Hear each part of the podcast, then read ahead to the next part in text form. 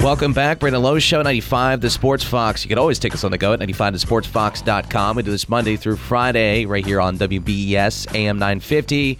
Uh, it is uh, March Madness, and we'll talk plenty of that with the guy waiting on the line. But uh, there's a, a, couple other things we need to get to, and uh, it's opening day in Major League Baseball. Let's start there. Ryan Pritt from the Gazette Mail on the line. Ryan, this is like Christmas for you, my friend. Hey, it should be a national holiday. I'm, I thought about calling off work, but they would frown upon that, you know, being a sports writer and all. So we're going to go and uh, watch some games at the office until the Noles come on at seven and enjoy the day for sure. It's a good day.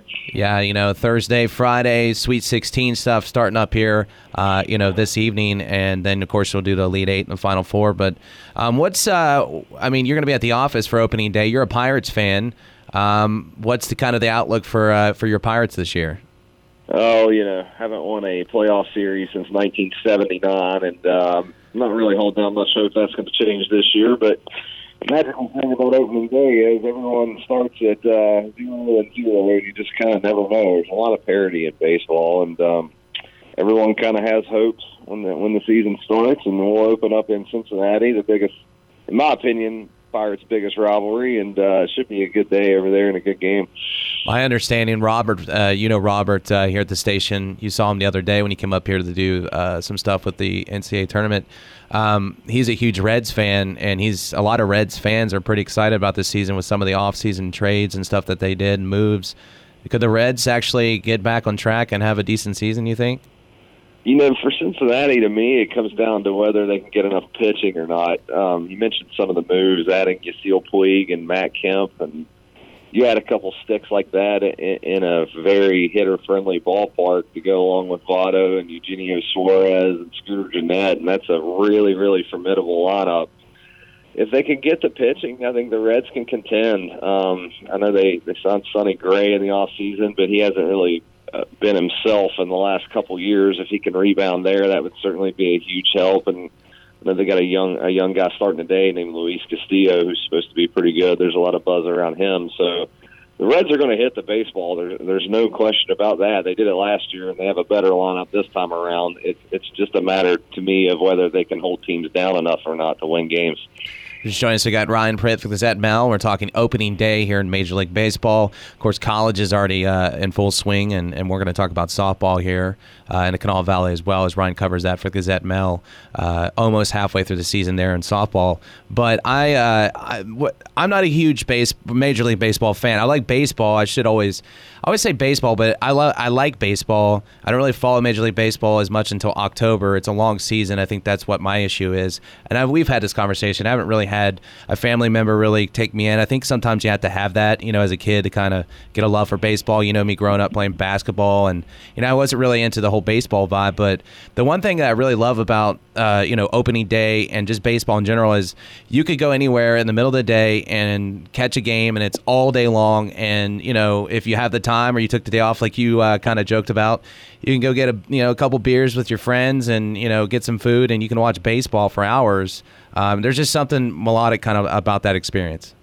Yeah, opening day in baseball is kind of unlike any other sport. Like you know, like we said, it, you can go anywhere, watch games all day, and you're going to get aces on the mound all day. I mean, everyone's throwing their number one starter right out of the gate, which is cool. So you get some interesting, intriguing matchups. You know, especially locally. I would have to imagine the Pirates and Reds probably have the the two biggest fan bases in the area. I would say the Reds are by far the biggest, but um, when you get matchups like that, and like I said, and everyone's got hope that their team's going to be good. I mean, it's still early in the year, and, anything can happen, so that that adds to it as well. But yeah, I mean, baseball opening day is really something special, and uh, I figure a lot of folks in the valley, including myself, will be tuning in today. Pretty cool stuff. Of course, we had some uh, great baseball down at Power Park last night between the two D1 schools here in, in West Virginia. WVU and Marshall down there, and, and West Virginia had no problem uh, winning uh, over Marshall 15 to three. If if uh, those that didn't get to get down there and check that out, that's always a cool game, Ryan. I love when Marshall and West Virginia can play each other, especially in baseball and, and down there in the capital city at the, at Power Park's always cool too. Yeah, like you said, in in Charleston, that's the biggest part too. I mean, a lot, obviously, a, a huge amount of WVU and Marshall fans right here kind of in between the two cities, and, and it's good when those two can get together in a sport like that and put it on a stage like that. And uh, it seemed like a great event last night. It's good stuff. All right, let's move over to softball. Uh, there's no question uh, the Valley, as you told me off there, you told me this before, that you know this is where the best softball happens uh, here in the Kanawha Valley. So, um, for those that haven't uh, been able to ca- uh, keep up with softball so far, I always know GW has a good team, and you know I, I know I know of what to expect for the most part, but for guys like you that cover this, who's kind of standing out so far here? Uh, whatever class, uh, who's the biggest standout? You know, of the teams you're covering right now. You know, uh, of anyone in the valley, you have to start with Herbert Hoover, who's the two-time defending AA champion. I got to see them last night, and uh, some of the numbers they've put up this season so far are really just remarkable. I mean, they're seven and zero, oh, and they've outscored teams ninety-three to four in those seven games. Um, I gave up two runs last night. Got a young a junior pitcher named Delaney Buckner who who threw last night. Gave up two runs, two walks, and four hits, and those were the first in all three of those categories she'd given up all season. So she had thrown two or two perfect games and a no hitter going into last night, and also going into that last night, she'd recorded 45 outs on the year, and 40 of them had come via strikeout. She struck out 15 more last night and just what they're doing is pretty otherworldly right now. Um, in Class AAA, you know, Hurricane is a four-time defending state champ. They kind of hit hit an uncharacteristic stumbling block there this season. They lost three in a row to, to Midland, GW, and St. Albans, but since have kind of turned it around. They got they got one of their key hitters back last night who missed the first couple of weeks with a concussion, and Taylor McCray, and she homered in her first game back and We've got a shortstop committed to Marshall, and then Katie Mathis. She was the Kanawha Valley Player of the Year last year. She's hit nine home runs in ten games, which, if you're a mathematician, you know that's pretty good. Um, so you know, Hurricane and, and GW, like you mentioned, that's a team that, that's made the state tournament two years in a row. They start five seniors, and they lost their first game last night to Cabell Midland, but they're still ten and one, and and have a pitcher in the circle and Brianna McCown, who's also going to Marshall, and, and that'll certainly be a team to uh, watch locally as well moving forward. I also want to bring up. I'm, i live in St. Albans. That uh, that young St. Albans team. They have uh, no senior in their lineup, correct? So this team is has played pretty well, not having a lot of a lot of uh, I guess upperclassmen in the lineup. Yeah, and that's a team that's been pretty good the last couple of years, um, riding a lot of freshmen and sophomores, and like you said, they're still really young got a lot of good bats in the lineup, and, and Kinsey Hudson in the circle is pretty good, but they're trying to kind of take that next step, and, and they're in the same section as G Dub, and and GW beat them the other night nine to two, but that's St. Albans' only loss. And like I said, they beat Hurricane early in the year, and anytime you can do that in softball, you you've done something. So you, you, you know that's a team that that Coach Christian Watts is open to to develop throughout the year, and really, you know, everything you do before May is is preseason anyway, and they'll certainly give GW an early hurdle to clear uh, once the sectionals get here. But uh, yeah, definitely. St. Albans is a team locally to, to watch for sure, and also, you know, for those in the Huntington area, Cabell Midland has shown some strength here too. So, you know, this Region Four and, the Kanawha Valley half of Region Three and AAA is really, really strong again, and, it's like that just about every year. Join us here on the Brandon Lowe Show, talking some softball here in the Kanawha Valley with Ryan Pritt from the Gazette Mail. Does a great job of covering uh, all the action. Be sure to check out his pieces, and that's how I got. That's how I got to catch up. You know, I was telling Ryan before I brought him on. Uh, he's my guy to catch me up on what's going on. I can't believe we're almost halfway through the season here, uh, and then we're going to be in postseason play. But um, if I was going to sit here and say right now, this point in the season, uh, who's the Kanawha Valley Player of the Year in softball? Who do you go to? Wow, you know, it's funny you mentioned that because I was actually thinking about that after last night after watching Buckner pitch from Hoover, and you've got a lot of kids turning in a, a really big season, and I'm hoping that's going to take care of itself in the next month and a half because, as you know, that's that's a decision I'm going to have to make at some point. Um, you know, right now I would say it's probably between Buckner and Katie Mathis. Mathis won it last year. She's hitting about 650 with eight home run or nine home runs in 10 games, which is pretty hard to ignore. And then you take what Buckner's doing pitching wise, and that's really hard to ignore as well. So those two on those teams are probably the front runners, but there's certainly some other kids around the valley that are right there. Uh, Jenna Thomas from Sissonville is one that sticks out. They they're kind of off to a quiet uh, 11 and I think they're 11 and 0 or 12 and 0 start, and she she's hit clubbed a bunch of home runs and hit well over 600 herself. And then you got also Katie Darnell at GW who is hitting around 600. She's hit five home runs and stole five bases, and she's just a heck of an all-around athlete in every sport she plays. So really early, and I'm hoping that clears itself up as we go here. But if if I had to pick at least two, it would probably be Buckner and Mathis right now. You know, sometimes I have to throw you on the on the spot there, Ryan, just to see if you're yeah, paying yeah, that attention. Was, that's going to be a tough decision to make in May. That's last now, but uh, one I'm certainly not looking forward to. But um, yeah, there, you know, there's some really, really good softball in the valley, and I think I've told you this before. It, I don't have any numbers on this, but if I had to bet, I would say West Virginia produces more Division One athletes in softball than any other sport. I know at one point, either last year or two years ago, Hurricane had nine kids in their lineup, and all nine of them were going to go play Division One softball. So definitely, if you're around and, and you like some spring sports, go out and check out some of these teams. You're going to see some high level stuff for sure. Yeah, and of course, talking about Buckner, you know, Herbert Hoover being the defending Class AA champions, and it looks like they probably will, if uh, things continue their way, maybe possibly repeat there again. But uh, you know that that perfect game Buckner tossed against uh, the Tigers on Monday, Chapmanville, striking out 17 hitters in six innings. It's kind of hard. You talk about batting average, but it's really hard to kind of ignore a perfect game. That's always uh, something I think every pitcher at any level would like to accomplish at least once in their career.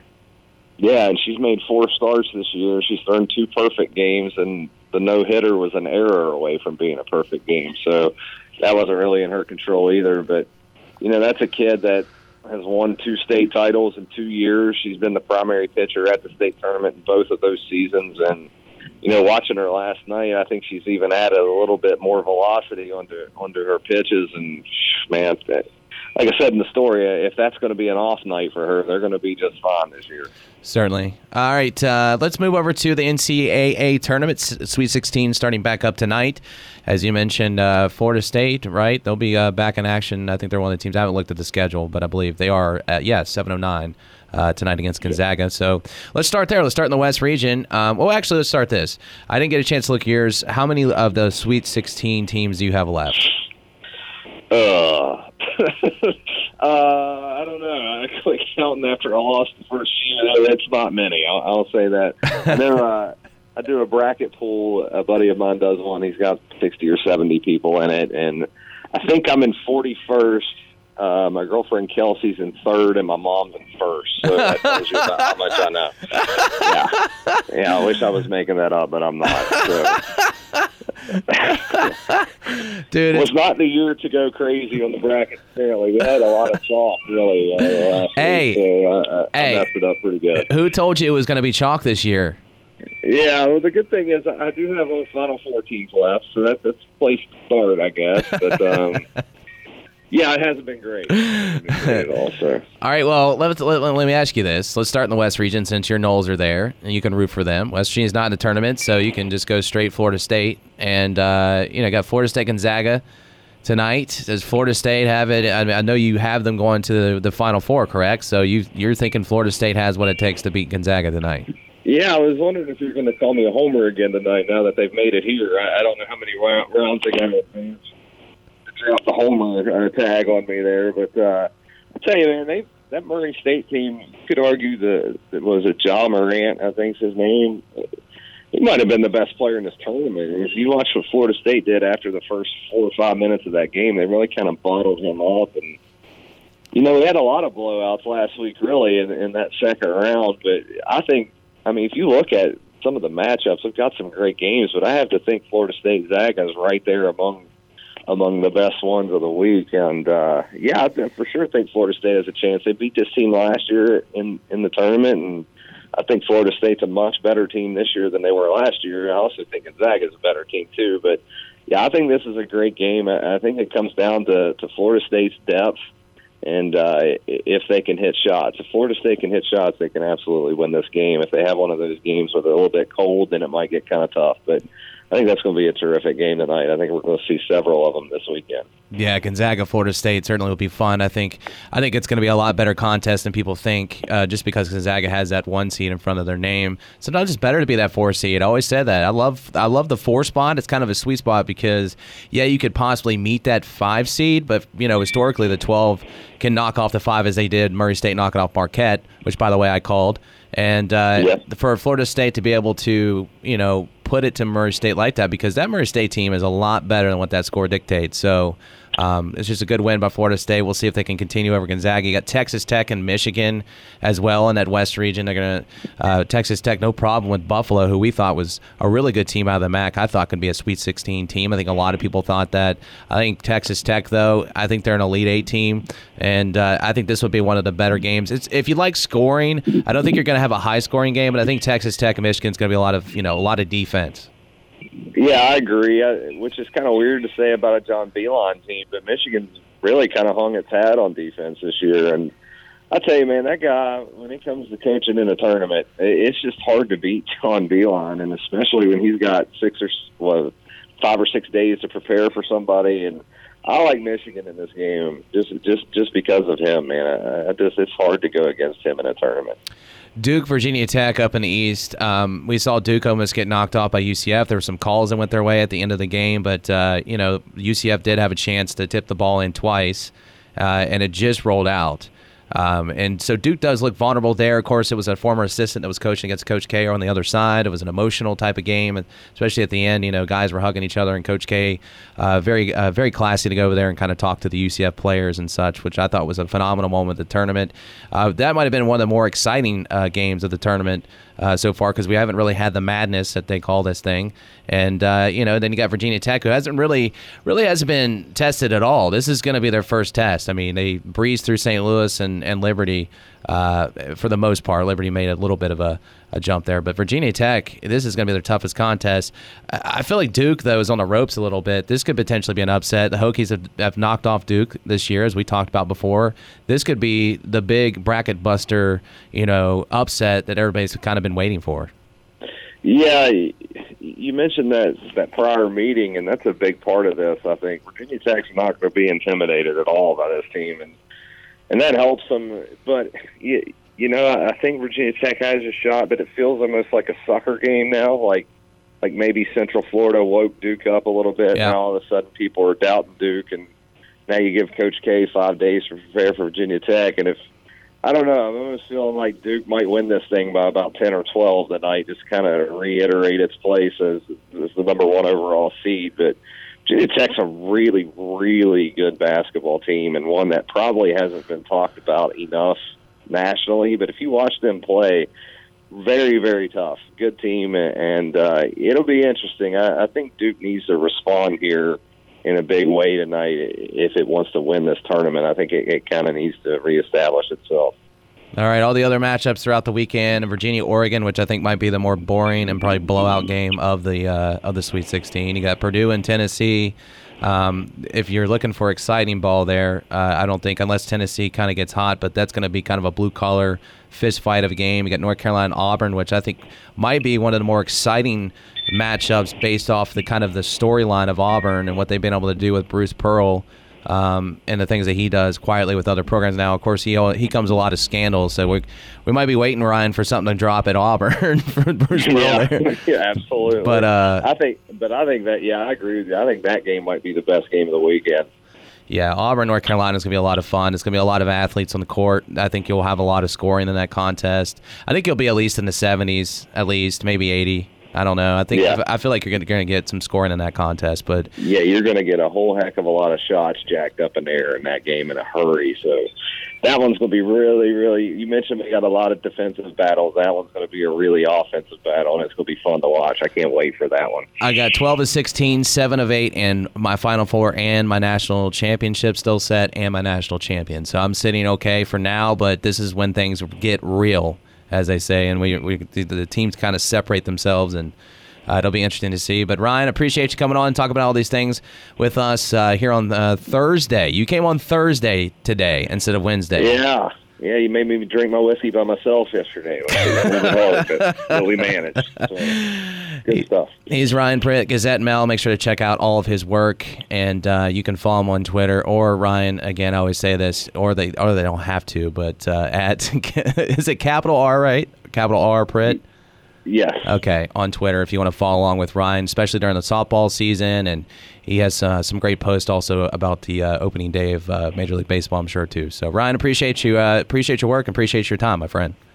Hey, thanks. Anytime, buddy. All right, great stuff from Ryan Pritt of the Gazette Mail. Be sure to you know follow along with him during the softball season. Can't believe we're almost halfway through, and uh, certainly a great brand of softball here in the Kanawha Valley. And I'm going to beat Ryan in the bracket challenge this year, is what it sounds like. For once, I needed that one, and uh, we'll make a bet that no one will pay off. Uh, but this guy on the line, he used to work over there with the Gazette. He knows Ryan very well. Now he's with Wheelhouse Creative. And a good old buddy, Mitch Vingle, now joins us on the line. Mitch, how's it going, man? It's going well. I'm glad to see that you uh, caught up with Ryan and uh, got him on the line. yeah, Ryan and I, of course, uh, we always make these bets that come these uh, these bracket challenges. Nobody ever pays off the uh, the bet or the you know the the wager, and uh, it's just all in good fun. And and right now, I think I'm. I'm beating his butt right now in this bracket challenge we do every year on the show. Um, where's your bracket at right now? Is it looking all right? I'm okay. I'm like in the six you know range and every. I just went with one bracket of integrity and stuck with that and now all I, all I need to have happen is have Tennessee come through and stun the world and win the national championship. and I think I'll it'll be mine. yeah, and that's uh, I actually Tennessee was the first team when I was filling my bracket. I was I was like, okay, everybody's going Duke. Tennessee has been at the number one spot a lot this year. I was I was thinking, well, they're certainly talented enough to win a national championship, but man, they've been up and down. I'd be scared at this point picking them. Oh yeah. Well, the other day when I was watching, I thought, well, heck, this is going to be. I might have a winner here. I mean, they were just killing, and then all of a sudden, it's almost like they were, were disinterested. Twenty-five point lead just evaporates, and and they almost lost. Yeah, that was uh, that was one of the more exciting games in tournament. We haven't really had a bunch of them. Of course, speaking of Duke, they almost got knocked off by UCF and had a couple calls go their way at the end of the game. Uh, I kind of talked about that with Ryan. I don't know if this is because I picked Duke, uh, and I I kind of did it out of uh, I was being a little selfish because as a as a little boy growing up playing basketball, I was a Michael Jordan fan. Michael Jordan went to North Carolina. I, I always liked watching North Carolina and Duke, and I cheered for them uh, as a kid. And I thought, hey, first time ever, let's do Duke and North Carolina national championship. Yeah. Well, there you go. I um, you have to start holding Ryan to to his bets. I'll tell you. I'll, I'll tell you a quick story. I I used to do a Tony Caridi show as a guest, you know, once a week, and um, so I was on there and I said something about, you know, West Virginia. There's no way that they were going to lose, or, or something like that. I mean, it was like they were such a heavy favorite and they lost, or it was the reverse, whatever. But he was like, okay, so what if if that happens? What will you do? And I said, you name it. He goes, will you sing a song or you sing Country Roads on the on the air? And I'm like, fine, whatever. and I'll be daggone if that didn't happen. so I go on, and he's like, all right, he's promoting it all day. and finally, I get there, and I'm like, all right, fine. I ne- I don't, you know, hedge on my bets. I said, go ahead, start the music. He goes, oh, there's no music. oh, acapella. So I had to do it a cappella yeah. on, on state ra- uh, radio. So. Wow. But Yeah. I lived up to it. So you got you got to make him live up to his bet. Well, if you remember, uh, old man uh, Vingle, you did it on my show as well. Remember last year? Uh, no, that's right. yeah. That's right. Yeah, you. I uh, the Kansas State Kentucky debacle last year. I, I, That is true. Yeah. That's true. Man, I am getting old. I forgot. that memory's slipping. That's all right. All right. Uh, if you're just joining us here at the Brandon Lowe Show, Mitch Vingle is now over at Wheelhouse Creative. Uh, we're going to talk about your off the record show you do for them, which I think is great. You used to do a show uh, here in these parts as well, uh, kind of similar, but I really have been following along, man, and I really like the show a lot. But we'll get to that here in a second. I want to. Let's take you back to if you're a beat writer for West Virginia right now for the Gazette still or whoever, and you had to make you had to put together an article for this year's basketball squad this would be tough. You know, you do kind of, you know, I think you've done it before where it's kind of a recap. Some most writers have done it like, here's what my take is on the season. Now it's over. What would be that headline for that article? Implosion. I mean, and, and I don't know. I I couldn't help but feel a little bit sorry for Coach Huggins. I mean, at the end, I mean, it's just. I, I think he should have just stopped when the season was over. You know, everybody was kind of feeling good about the team and everything, and just just go out uh, on that note. But instead, they carried through, and and and I understand the intention was to get the kids more games under their belt and so forth. But man, what happened the other night against Coastal Carolina? That's not something you want to go into uh, the off season with. You know, uh, that's there's a loss, and then there's a there's a bad loss, and that was a bad loss and a bad way to go out. So, you know, he's going to blow this thing up, and we're going to see what happens with it. Yeah, Coastal Carolina, 109 points. Uh, who would have thought? I saw somebody say 91 points and you lose. Uh, that doesn't happen very often, especially in college basketball. Maybe the NBA, but not college basketball. Um, and that's the most ever allowed by a team in the 49 his, year history of that Coliseum. That's that's pretty brutal. That's not a good way to go out. No, it's not. And that, you know, there's is there hope? Of, of course there is. If is Culver going to come back? Is Konate going to come back? You've got the Tshiebwe kid coming in, um, the Big O. So, man, if you could put that together, if he could stitch that together, um, you know, they're going to they would start out top 10, 15. Yep. You know, right away, right off the bat. Despite this kind of a record, because the people that put those together, they understand that's that's kind of their livelihood is to know those things, and they'll they'll get it if you can put Culver and Konate and now how many of those three are going to be there? It might be one, it might be two. I think three is a reach, but you know, then you just got to get a couple guards that you feel strong strongly about. Yeah.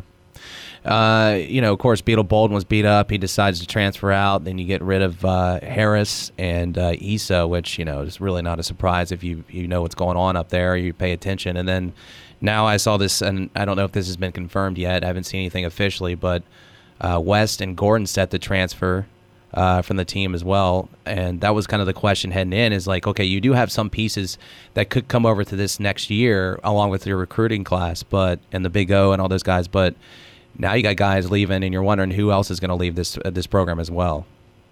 Yeah, or be asked to leave the program. You know, the thing that I, you just look at the potential for that front court, and if you just go get a couple of those men from the junior colleges or something like that to pair with them, you just you just shake your head at how good it can be and potentially how what a rebuilding process it might be. Do you think we only get one year out of uh, Big O? I think we only get one good year. Yeah, I think so. Yeah. I, I mean, I if you've seen what he does to opponents, and and really, you know, my brother went up to see him play. I think a couple weeks ago, and he said he goes, you know what? The thing about it is he's averaging 25, 11 rebounds, and all that. He said, and he's he's really trying to keep his team involved. He said he could he could dominate on every single play, but he's just spreading it around because he knows their team's going to win, or he sees their go- team's going to win. So he's just he's not a selfish player, and um, so you get him in in college and let him go, you know, full bore, and I think Bob Huggins is going to have something on his hands there. Yeah, we got Mitch Vingle on the line uh, talking Mountaineer basketball right now. I think also with Erik Martin and how he's developed those guys, uh, you know, most recently Konate, it'd be interesting to see what he does with him as well to kind of improve maybe, uh, you know, obviously the moves inside and technique and your footwork, but, you know, he uh, basically improved Konate's outside shot as well. No, absolutely. I mean, that was that's the best job of coaching I've seen, uh, you know, from a from West Virginia's staff as far as one position. I mean, you're right. Konate from one year to the next was just a, a total transformation. Um, and that was a great selling point. That's something when you go out on the recruiting trail, you can point to that and say, "This is what we did with that guy." Now imagine you have more talent than he does. What we could do with you. So, you just got to keep carrying that forward. All right, let's uh, let's quick, quickly talk about some spring practice stuff. Um, obviously, we're still in this honeymoon stage with this coaching staff. Everybody loves Neal Brown and all the guys you brought in. Uh, we know how that is. Everybody was excited when Holgorsen came in here, and they wanted to see the offense and the air raid and all that stuff. And he go over the Big 12, so it's a different type of excitement because now you're settled into the Big 12 you're coming off a year where you had several chances, again, different coaching staff, but several chances to at least lock up a spot in the Big 12 championship. That doesn't go that way. You have a, you know, the miserable bowl game. Guys don't play like Will Grier. And now you got kind of this reset button. You know, Holgorsen takes off for Houston. You bring in Neal Brown. I like some of the things they're doing too. Miking up the coaches, I think, is really cool for the fan perspective to get to know these uh, these coaches behind the curtain kind of thing. And I just like the attitude and the overall kind of uh, vibe we're getting from Morgantown right now. Um, you know, the practices are very organized, they're tight. Um, he's holding guys accountable and the, and the things he's doing, putting these guys in different groups and they're picking captains. I just, there's a good vibe going right now. It's almost the type of reset that this program kind of needed after kind of that disappointment at the end of the year last year. Well, I, I just think it's going to help the program as a whole because the fans around the, the Mountain State are so refreshed. I mean, this guy's a breath of fresh air. Um, he, he sort of reminds me because it, you're right. I've been around for a long, long time, and it, it reminds me of Don Nehlen when yeah. he came in. There was no big hoopla around him. It was there. There wasn't the hype of like a, a Dana Holgorsen. There was just hardworking guy, a guy that people respected, and um, somebody who went in there, worked hard, and got it, got the job done. And he reminds me very much of a of a Don Nehlen when he moved in from uh, Michigan. So, you know, I think he's going to have the support. Uh, you know, Dana Holgorsen, he kind of wanted to be like a rock star. You know what I mean? Yeah. It's, he wanted that. He wanted that kind of a treatment, and I don't get that vibe from this guy at all. Um, I went and met him, and and uh, he stopped, shook my hand, and and uh, knew exactly who I was, and it was it was just a pretty neat thing. Um, but now he's got to get talent. I mean, that's the bottom line. Now he's got to he's got to recruit some talent because let's face it, Dana, he got he hit on Will Grier, he hit on some guys, but across the board, he wasn't the greatest recruiter, and I think they really really need to bolster that recruiting effort. I uh, I can't help to think that Mike up there, the SID, is is feeling pretty good at this point too, going from Dana Holgorsen to Neal Brown. Yeah, I, I sent him a congratulations text when when Neal Brown was hired. yeah, I've heard plenty of stories of the. Uh, well, we won't go into that, but let's just say that uh, things were probably a little better at this point. You know, uh, the uh, the bad news, of course, was uh, Brendan Ferns. Um, you know, having to retire from football. You never like to see a kid have to give up uh, a sport he loves to play, and there was a lot of high expectations coming in for this kid uh, and just couldn't stay healthy. And, and good on him for getting out and, and understanding that he needs to uh, get out of the game because you know this this type of injuries could could be there with you for the rest of your life. Yeah, it was bizarre because I'd I'd had lunch with him just a couple days before the uh, announcement, and uh, and I heard nothing. I was I was at Generations where I do my show, and his dad Mike. Uh, yeah. They own a, a, a dealer, an auto dealership up this way, and um, sat there and talked to him. Real quiet kid, um, but very very smart, and uh, he's gonna he's gonna be very successful. I can promise you that. And yeah, you hate to see it because I don't know if you remember. I I, I saw a, a video of him when he was in high school, and he played nine positions on in one game. Wow, unbelievable. so I I brought that up to him. I said that was fun to watch. He he looked at me. He goes, "It was fun to do." so yeah, he played anything from quarterback, defensive end. He just went around the horn, and it was really neat. I, I, it's too bad that people never got to see the Brendan Ferns that you know. I think he could have been. Yeah. Well, let's uh, let's uh, let's talk about that. The off the record show you're doing there for uh, for Wheelhouse Creative uh, over there at Generations Pub. Uh, you got Noel Devine up there too, man, uh, which is pretty cool. Yep. and uh, you and the cool thing about bring him up not only just being Noel Devine, but the the West Virginia Rough Riders are, are the uh, the wheeling uh, team up there. Um, I love that. I love that. I was I've been watching some of the videos and man, they I don't know what I, forget what the scoring system is up there, but what was it, ninety five to eighteen? They played some Pittsburgh team, yeah, and yeah. um, but that that's just really cool to see. And Jarrett Brown's the quarterback. It's just really cool to see uh, those those former you know West Virginia players up there playing. It's exciting football. But uh, talk about your show, kind of like what you're doing over there uh, off the record, which is a live show. I think that's really cool. You're up on stage, and you bring guests up, and you talk to them, and uh, you just always have tremendous guests. Kind of talk about your show, and if people are in the area where they can go check it out.